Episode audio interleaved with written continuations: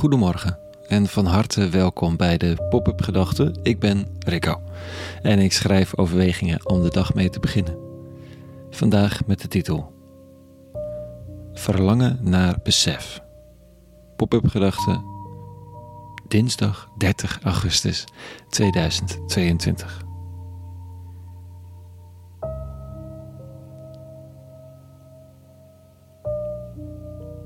Het leven rolt voort. Daar doet echt helemaal niemand wat aan. Je kijkt naar foto's van tien jaar geleden en je beseft dat die tijd in elk geval niet meer terugkomt. Meestal met een steek van nostalgie, soms met dankbaarheid dat die rotperiode voorbij is. En in dat mechanisch onontkoombaar doortikken van de tijd zit ik. Zit jij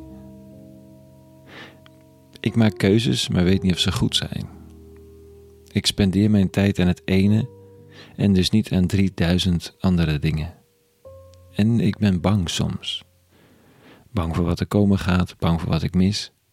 Bang dat ik de dingen niet doe zoals ik ze behoor te doen.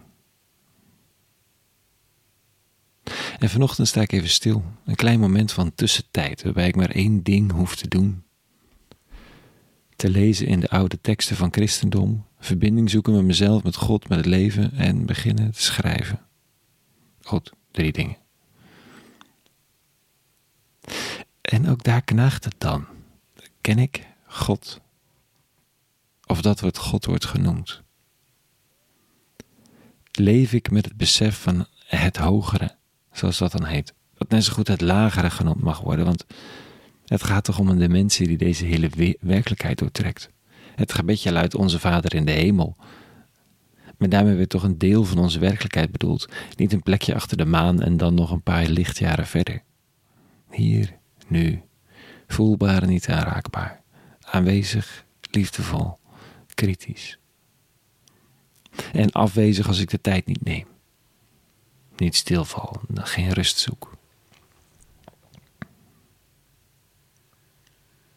Verlangen naar besef. Dat is wat deze ochtend maakt vandaag.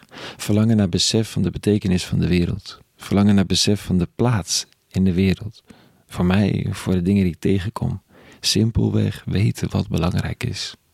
Gevoel voor de context van al dat doen en kiezen de hele dag door.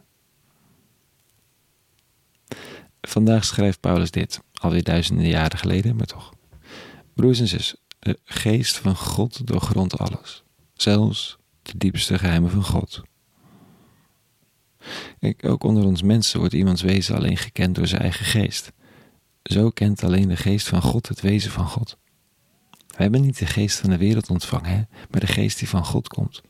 Hij doet ons inzien al wat God ons in zijn genade gegeven heeft.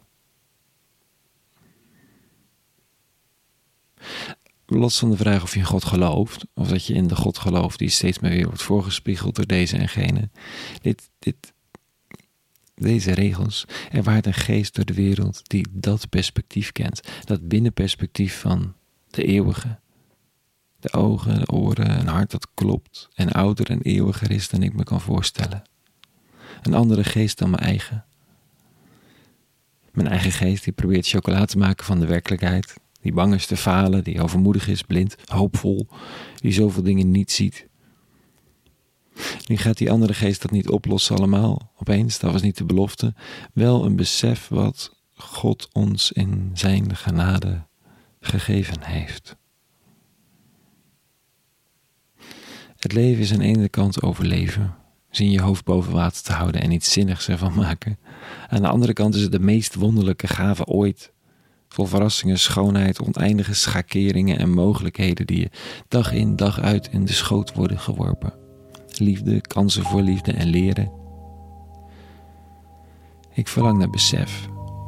Naar die goddelijke geest die af en toe fluistert dat de wereld wat groter is dan mijn eigen hart kan bevatten. Dat mijn eigen behoefte aan controle kan omvatten. Dat mijn eigen agenda kan beheersen. En dan verwonder ik me en geef me een beetje over aan leven. Ik verlang naar meer besef, naar tijd om dat binnen te laten komen. Vandaag een uurtje. Morgen weer.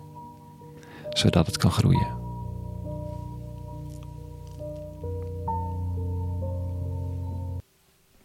Tot zover vanochtend. Een hele goede dinsdag gewenst vandaag. Morgen weer een nieuwe pop-up gedachte en vrede. En alle goeds.